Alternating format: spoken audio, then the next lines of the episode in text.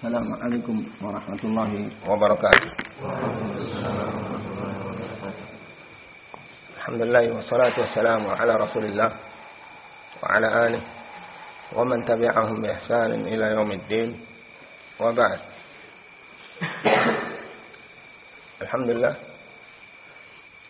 di subuh hari ini kita diberi oleh Allah SWT kesempatan untuk menunaikan kewajiban yaitu salat subuh dengan sempurna alhamdulillah. Dan adapun apa yang ana sendiri ingin sampaikan di sini yaitu tidak ada lain hanya sekedar bab tausiyah atau dalam bab adzikra. Nah, fa inna dzikra tanfa'ul mu'minin. Karena sungguhnya saling mengingatkan itu bermanfaat bagi orang-orang mukmin, bermanfaat bagi sesama kita. Ikhwan fi din, a'azani wa a'azakumullah jami'an. Kita katakan kepada para talabatul ilm, khususnya mereka yang baru. Ahlan wa sahlan. Ahlan wa sahlan biqudumikum Selamat datang di ma'had kami yaitu Darul Athar Purwakarta. Dan nasihat ini kita sampaikan atau kita tujukan kepada semua baik ikhwah yang baru ataupun ikhwah yang lama atau semuanya. Nah, ikhwan fiddin, a'azani wa a'azakumullah jami'an. Di dalam menuntut ilmu ada beberapa hal yang diperlukan untuk talibul ilm sehingga dia lancar dalam menuntut ilmunya. Dan banyak sekali. Dan kalau kita sampaikan satu persatu tidak akan selesai. Tidak akan mencukupi waktunya. Dengan itu yang ingin kami sampaikan di sini yaitu tentang bab as-sabar di dalam menuntut ilmu. Sabar di dalam menuntut ilmu. Hada.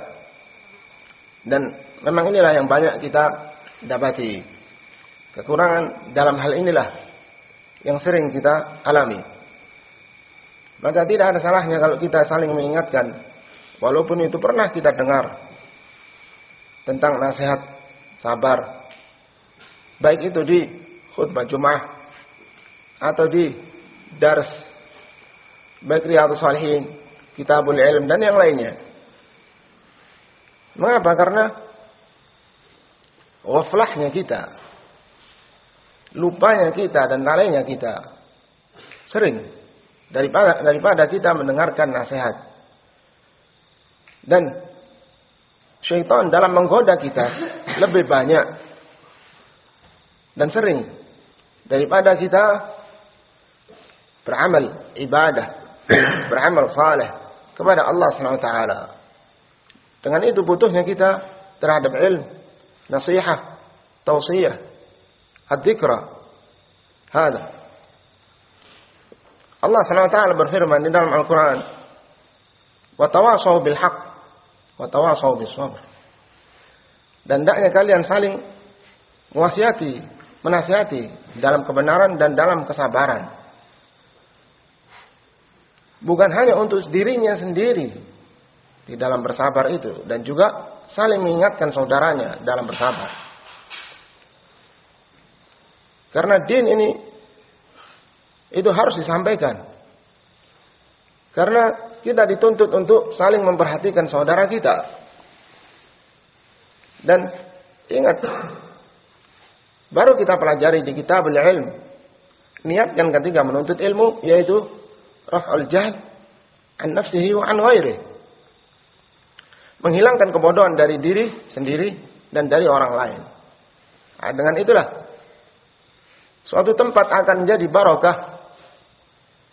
Suatu ilmu akan menjadi barokah ketika diamalkan, ketika dia sampaikan, ketika ada kepedulian dari diri sendiri terhadap saudaranya. Hada. Ikhwani fi din, azani wa azakumullah jami'an.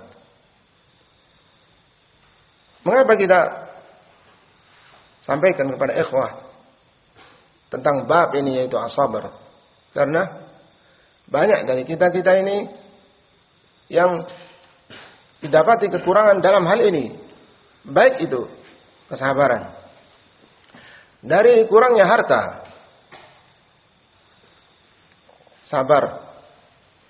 Dari keadaan dia ketika dia menerima, memperoleh ujian. Baik itu dari lelahnya dia, capeknya dia dalam menuntut ilmu dan juga terkadang sakit. Dan juga sabar yaitu dalam dia menuntut ilmu yaitu dalam hal waktunya, lamanya. Hal ini semuanya adalah butuh kesabaran dalam tiga hal ini. Dan inilah yang kita akan sampaikan.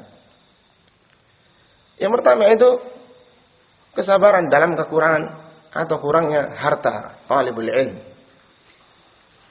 Uang sakunya habis atau dia tidak bisa membeli dari peralatan mandi umpamanya atau kitab ini dan itu. Kenapa? Karena kurangnya harta. Dan mau tidak mau seorang yang dia menuntut ilmu, maka dia diuji. Maka dia diuji dengan segala kekurangan, banyak kekurangan. Dan di antaranya keadaan ini. nah, ada. Dan kita lihat bagaimana Orang-orang yang mendahului kita dari mereka ketika belajar, banyak mereka alami kekurangan-kekurangan ini. Tapi tidak menghalangi mereka untuk terus belajar. Kita baca mereka, yakni dari biografi mereka, kita baca bagaimana sejarah mereka. Masya Allah, kesabaran mereka tidak ada apa-apanya kita. Dan keadaan pada waktu itu tidak ada apa-apanya dengan kita sekarang ini. Yakni sungguh berat pada waktu itu. Ya, membutuhkan kesabaran di dalam talabul ilmu. Dan kita akan bacakan bagaimana kesabaran mereka ketika mereka menuntut ilmu. Dan kita akan bacakan apa yang mereka alami dari rasa lapar mereka, dari kekurangan mereka ini dan itu kemudian sampai mereka menjual dari barang-barang yang sebenarnya itu tidak patut untuk dijual tapi dia jual nah disebutkan di kitab Ulul Himmah dikatakan di sana diceritakan tentang al-Imam Al-Bukhari rahimahullahu taala innahum faqadul Bukhari ayaman min kitabatil hadis bil Basrah. Mereka pada suatu hari kehilangan Imam Bukhari dalam mereka menulis hadis di Basrah. Qala fatalabnahu fawajadnahu fi baitin wa huwa uryan. Maka kami cari beliau. Maka kami dapati beliau di rumahnya dalam keadaan telanjang yani dalam keadaan tidak berbaju. Waqad nafida ma 'indahu wa lam yabqa ma'ahu syai'. Telah habis apa yang ada di sisinya dan tidak tidak tinggal sedikit pun bersamanya. Fajtama'na wa jama'na lahu ad-darahim hatta ishtarayna lahu thawban wa kasawnah. Sehingga kami pun berkumpul. Kami mengumpulkan uang yaitu dirham untuk kami membeli baju untuk al-Imam Bukhari, kemudian kami pakaikan kepada beliau. Faman dafa'a ma'ana fi kitabatil hadis. Kemudian pergilah setelah itu beliau bersama kami untuk kami menulis hadis. Lihat al-Imam Bukhari. nah, dalam keadaan tidak berbaju sehingga dia tidak bisa untuk keluar mengajar, menyampaikan hadis. Hada. Sebagian mengatakan bahwa Al-Imam Bukhari tidak keluar itu bukan berarti dia tidak mempunyai baju. Tapi ia mempunyai baju hanya satu. Dia cuci, kemudian dia tunggu sampai kering. Setelah kering baru dipakai lagi. Nah, ada pun yang lain tidak ada. Mengapa seperti ini? Karena beliau keadaan yang menuntutnya. Nah, bersabar beliau. Baik. Ini Al-Imam Al-Bukhari. Apakah kita sudah seperti ini? Masya Allah. Pakaian yang kita dapati berlebih. Yang kita punya berlebih. Hingga terkadang jatuh pun, hilang pun kita tidak cari. Kenapa? Karena banyaknya, lupa. Nah, Al-Imam Al-Bukhari. Dan demikian pula kita dapati dari sebagian talabatul ilm ketika mereka belajar di Damaj di ayam Syekh Mukbil rahimahullah taala. Banyak dari kalangan mereka yang menjemur bajunya di padang pasir dan ditunggu dia dalam keadaan berteduh sampai kering baru dia pakai kembali. Kenapa? Karena tidak punya baju kecuali itu. Tapi tidak menghalangi mereka untuk menuntut ilmu. Tapi mereka tidak kengeng. Nah, ada. Dibutuhkan di dalam menuntut ilmu ar-rijal.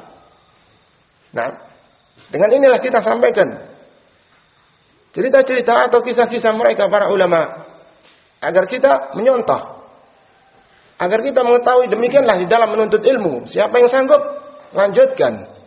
Siapa yang tidak sanggup, maka hendaknya dia mengukur dirinya.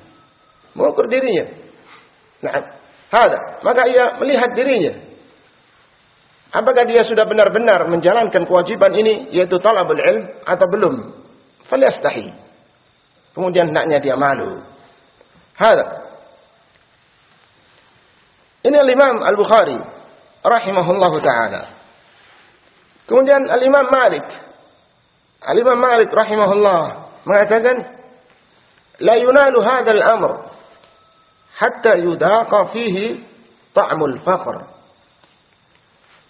Kata beliau, tidak akan didapati perkara ini yaitu talabul ilm hatta yudaq fihi ta'mul faqr hingga dirasakan padanya rasa al-faqr, rasa kefakiran, rasa nah, ketidakadaan, nah, rasa kemiskinan.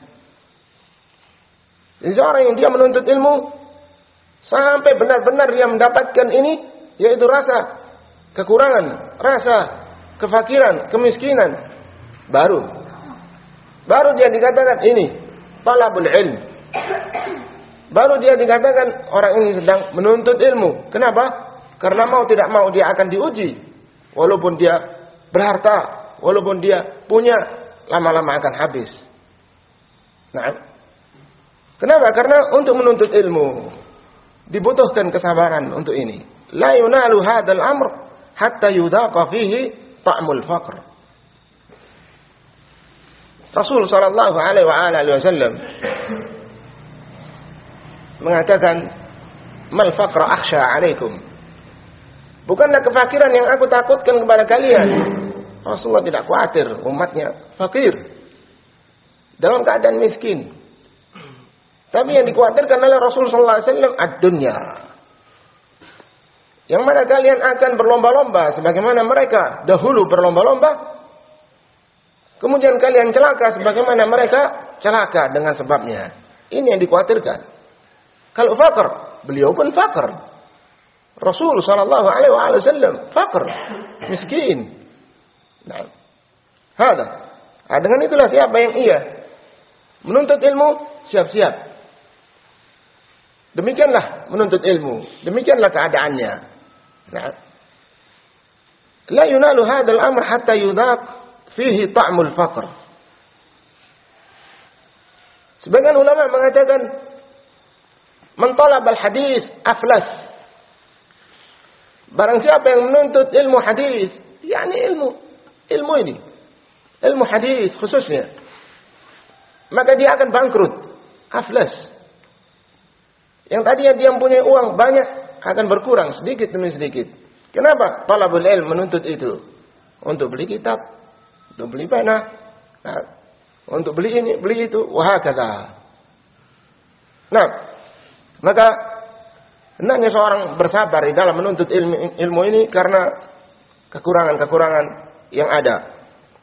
Waqad qala Ibnu Qasim afdha bi Malik talabul hadis ila an naqada saqfa baitih faba'a khashabah.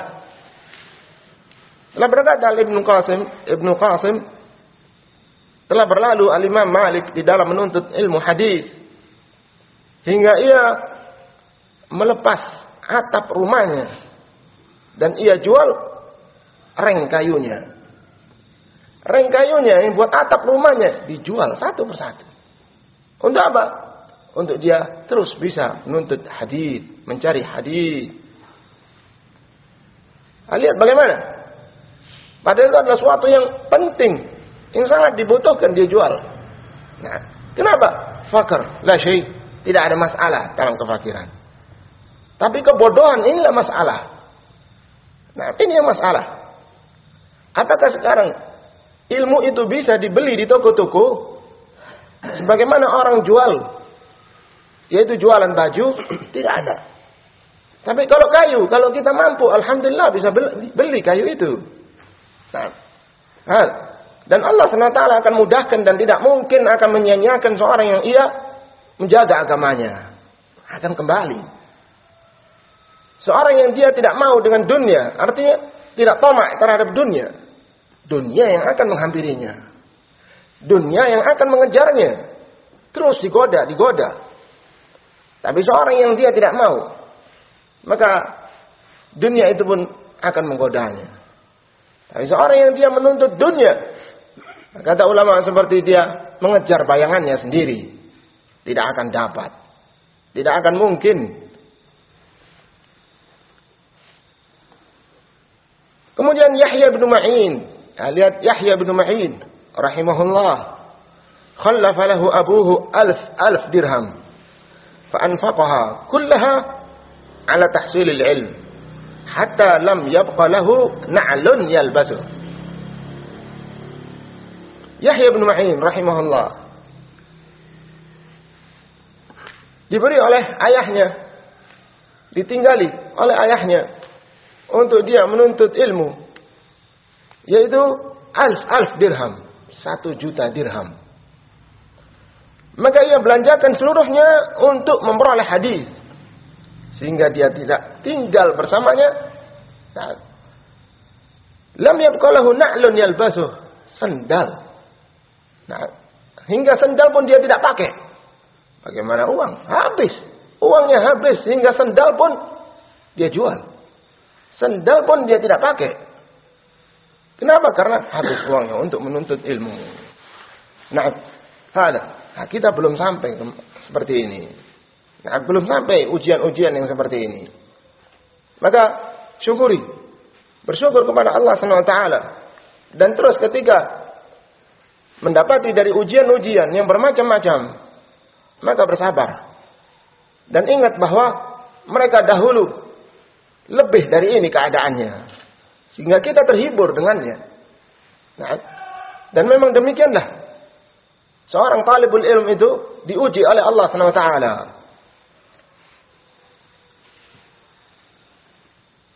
Baik, ini dari kalangan para imam yang mereka diuji oleh Allah SWT dalam kekurangan mereka. Yang ini semuanya menuntut kita untuk bersabar, bersabar dalam kita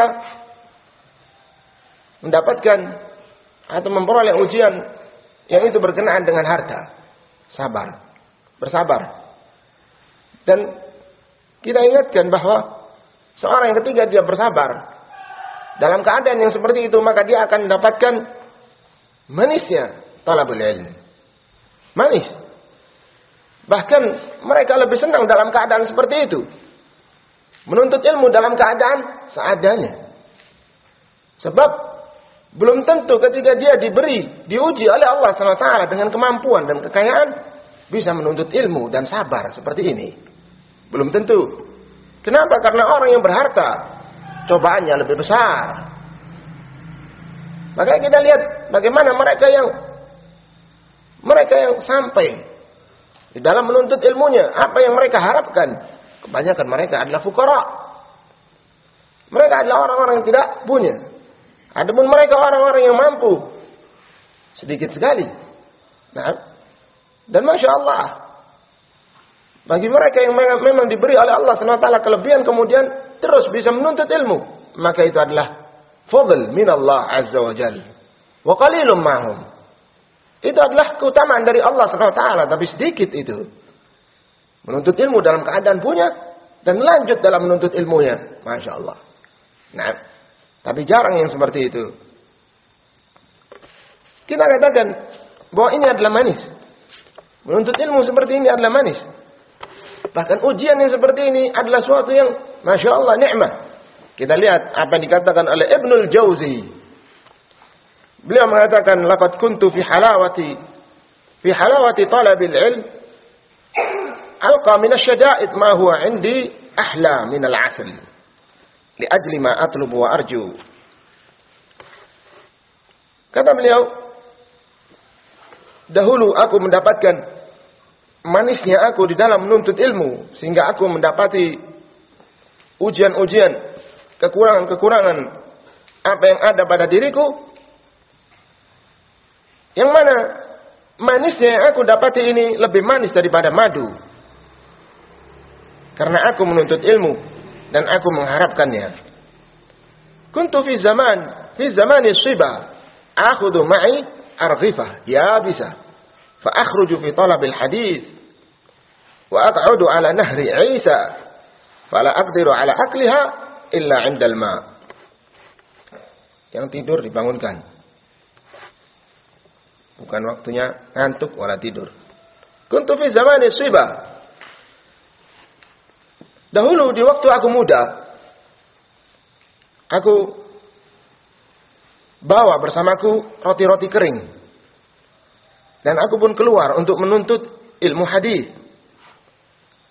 Kemudian aku duduk di pinggir sungai Isa. Dan aku tidak mampu untuk memakannya, yaitu memakan roti itu. Kecuali aku celupkan ke air. Fakullama akaltu luqmatan syaribtu 'alaiha. Setiap aku makan darinya, aku minum juga air sungai itu. وعين همتي لا ترى إلا لذة تحصيل العلم dan semangatnya diriku tidaklah terlihat kecuali lezatnya memperoleh ilmu ini.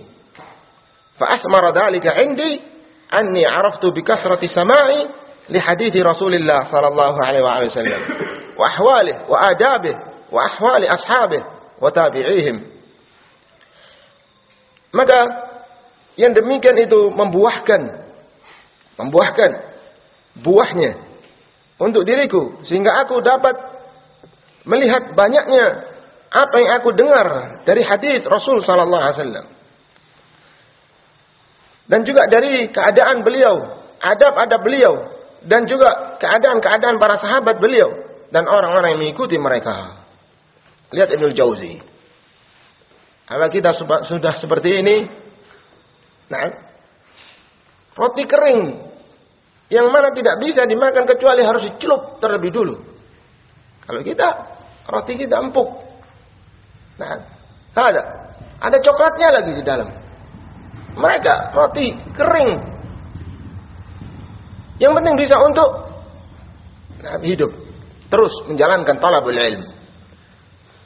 Ini dia rasakan manisnya kapan itu ketika dia menuntut ilmu hadis. Bekalnya itu roti kering. Nah, dan tidak bisa dilunakkan kecuali dengan air, maka ia pun duduk di samping Nahr Isa, Sungai Isa. Namanya Sungai Isa. Dicelupkan. Nah, baru setelah itu dia makan. Baru setelah itu didorong dengan air dan airnya adalah air sungai. Nah, Ibnu Jauzi rahimahullahu taala. Tapi apa faedahnya? Apa buahnya? Dapat ilmu hadis, dapat hadis Rasul sallallahu alaihi wasallam banyak sekali. Sehingga dia mengenal bagaimana adab-adab Rasul sallallahu alaihi wasallam, bagaimana kepribadian Rasul sallallahu alaihi wasallam. Bagaimana para sahabatnya, bagaimana mereka yang mengikutinya, tahu semuanya. Dari apa ini? Rehlah dalam menuntut ilmu hadis. Dengan dia bersabar mendapati ujian-ujian yang ada. Hada. Ikhwani fi din, azani wa azakumullah jami'an. Kita diuji oleh Allah SWT di samping itu yaitu dengan kadang akan mengalami sakit. Sakit, sakit panas, sakit batuk, nah, buang air dan yang lainnya. Bersyukurlah kepada Allah SWT yang mana masih diberi sakit yang ringan. Lihatlah mereka yang diberi oleh Allah SWT atau diuji dengan sakit-sakit yang keras. Nah, yang parah. Sehingga mereka tidak bisa lagi untuk berjalan. Lumpuh, setruk, dan yang lainnya. Na'udzubillah. Tidak bisa lagi untuk menuntut ilmu. Berat. Nah, ini.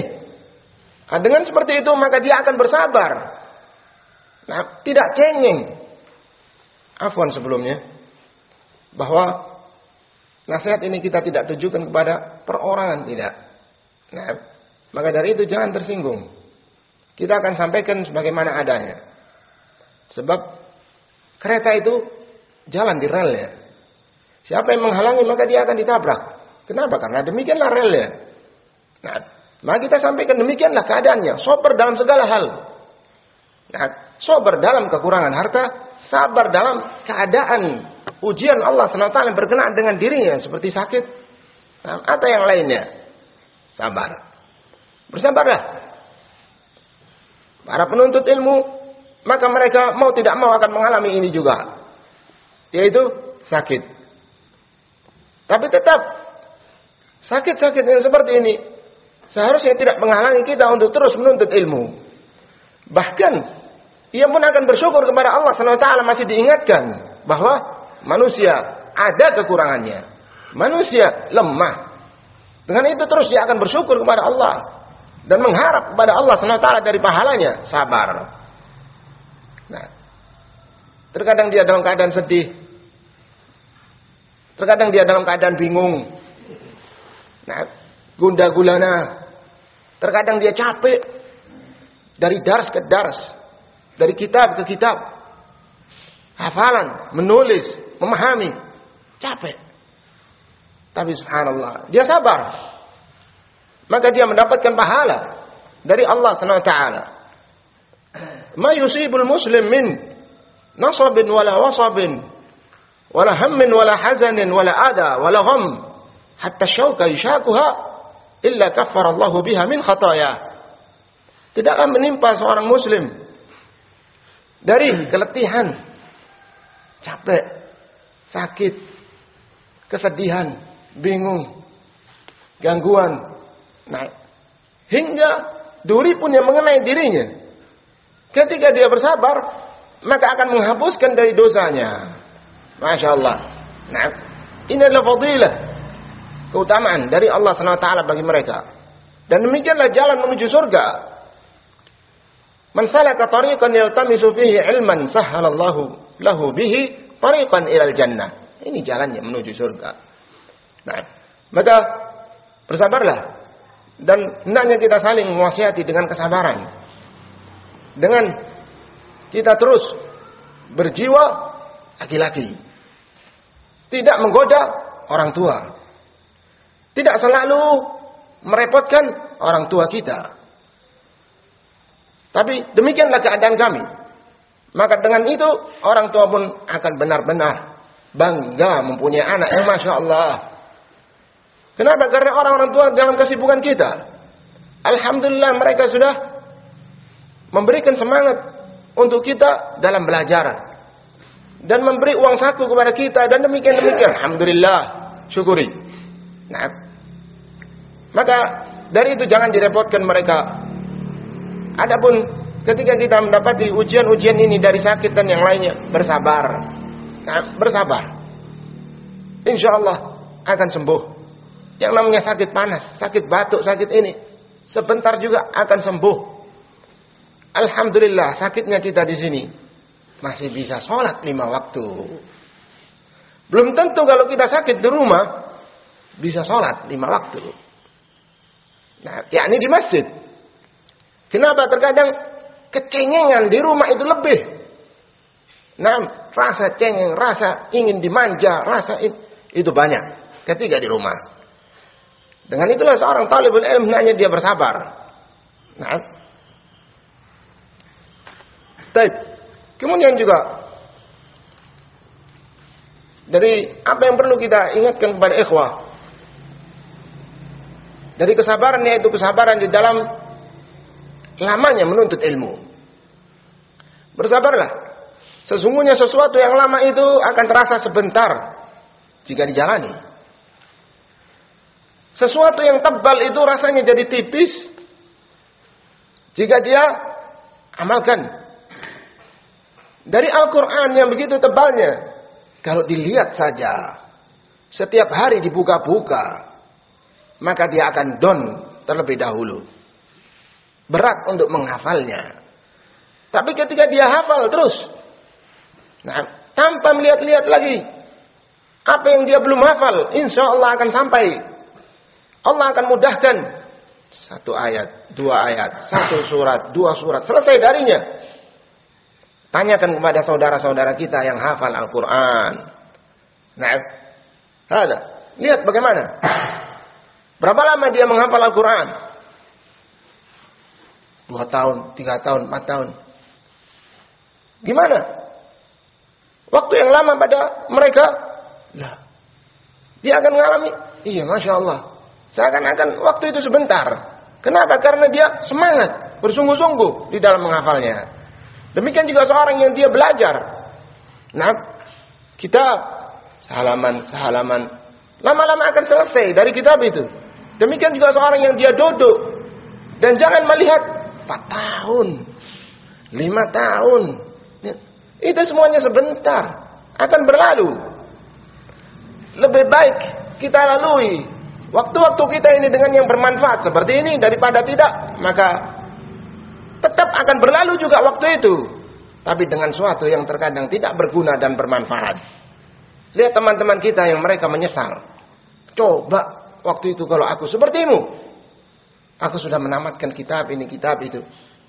Maka aku sudah sepertimu, sudah. Alhamdulillah, hafal sekian juz. Nah, lihat. Sama-sama lewat waktunya. Sama-sama. Nah, lebih baik kita manfaatkan, manfaatkan waktu ini. Nah, kata Imam Syafi'i bahwa sesungguhnya tidak akan diperoleh dari ilmu ini melainkan di antaranya yaitu dengan ini tulu zamanin lamanya waktu. Sabar sabar. Kita akan tanya. Ketika kita belajar dulu di SD berapa tahun? 6 tahun. Kalau kita sekarang ini nah, pertanyakan itu lama ya. Lewat 5, 6, 6 tahun di waktu SD 6 tahun. Masya Allah. Kita lalui. Sebentar. Dan demikian juga SMP yang mereka pernah SMP. Dan demikian seterusnya. Dan juga ikhwan yang pernah di pondok. Nah, ada. Terus. Tiga tahun, ada yang enam tahun. Terlewatkan itu semuanya. Nah, ada.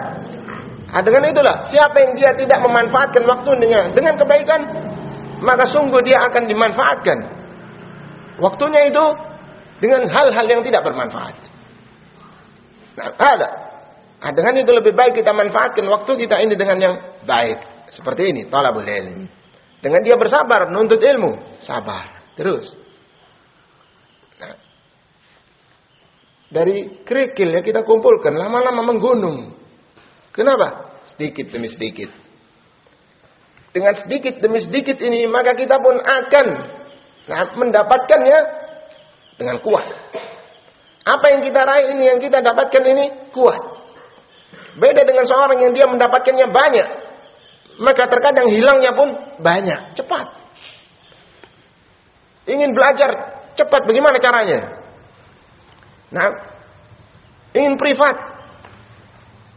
Privat yang mana tidak bisa diraih kecuali dengan dua tahun. Dia inginnya cuma seminggu. Ajib. Anak mau privat sama antum. Afwan. Mau privat. Apa bahasa Arab umpamanya. Berapa lama? Antum ya Ustadz ketika belajar ilmu bahasa Arab? Ya kira-kira dua tahun. Waduh, sebentar berat kelihatannya kalau dua tahun. Tidak mau privat akhirnya. Nah, atau dia ingin privat pun seminggu, atau sebulan, atau secepat mungkin. Ada. Tidak mungkin. Tapi, kenapa? Karena ilmu ini seperti itu. Harus ilmu yang rasih, kokoh. Kokoh kita dapatkan bukan separuh-separuh. Kalau hanya kulitnya saja, lembarannya, tahu nama kitabnya, tentang apa dia membahas, mudah. Nah, beberapa saat kita bisa untuk mengetahuinya. Tapi untuk mengetahui dalamnya. Sehingga ilmu kita ini rasih kuat. Perlu dipelajari. Butuh kesabaran. Nah, maka bersabarlah di dalam menuntut ilmu ini. Yaitu lamanya menuntut ilmu. Sabar.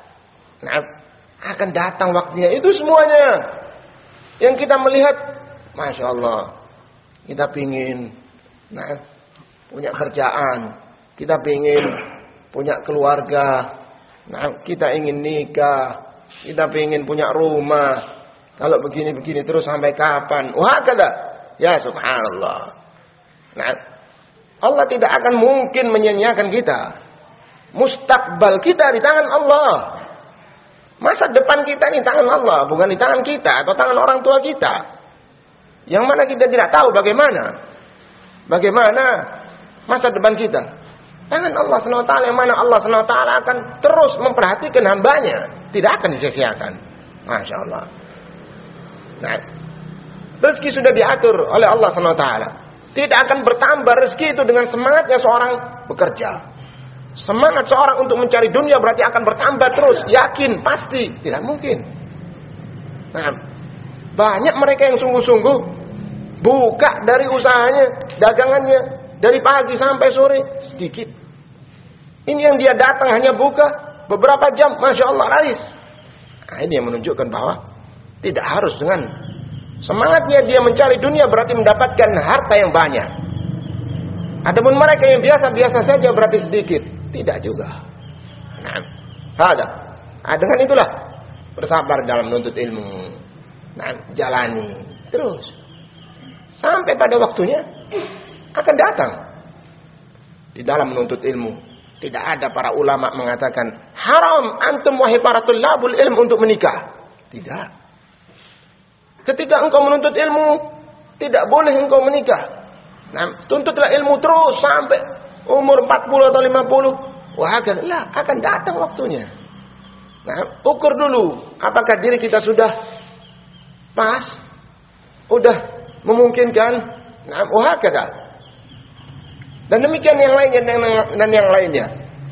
Nah, sabar dalam menuntut ilmu, sabar. Mereka yang belajar di sekolah-sekolah umum, mereka bisa bersabar. Tapi mengapa kita yang menuntut din tidak bisa bersabar? Nah, sabar. Sungguhnya dalam kesabaran itu ada manisnya rasa. Nah, dan mudah-mudahan dengan sedikit tausiah ini bisa menggerakkan diri diri kita, merubah diri diri kita. Nah, untuk lebih semangat, untuk lebih bersabar dari sebelumnya. Nah, bersabar. Maka mereka yang bersabar, maka Allah SWT akan beri dia kemuliaan. Allah angkat derajatnya. Nah, yarfa'illahu alladhina amanu minkum walladhina utul ilma darajat. Mereka para penuntut ilmu itu diangkat oleh Allah SWT derajatnya. Dengan apa? Dengan ini di antaranya. Ketika menghadapi ujian-ujian. Kekurangan harta. Sakit. Nah, bingung. Sedih. Dan demikian juga dari persabarnya. Menjalani. Lamanya waktu. Nah, ini semua diangkat oleh Allah SWT. Naktafi bihadal qadar. Alhamdulillah ilahuna. Assalamualaikum warahmatullahi wabarakatuh.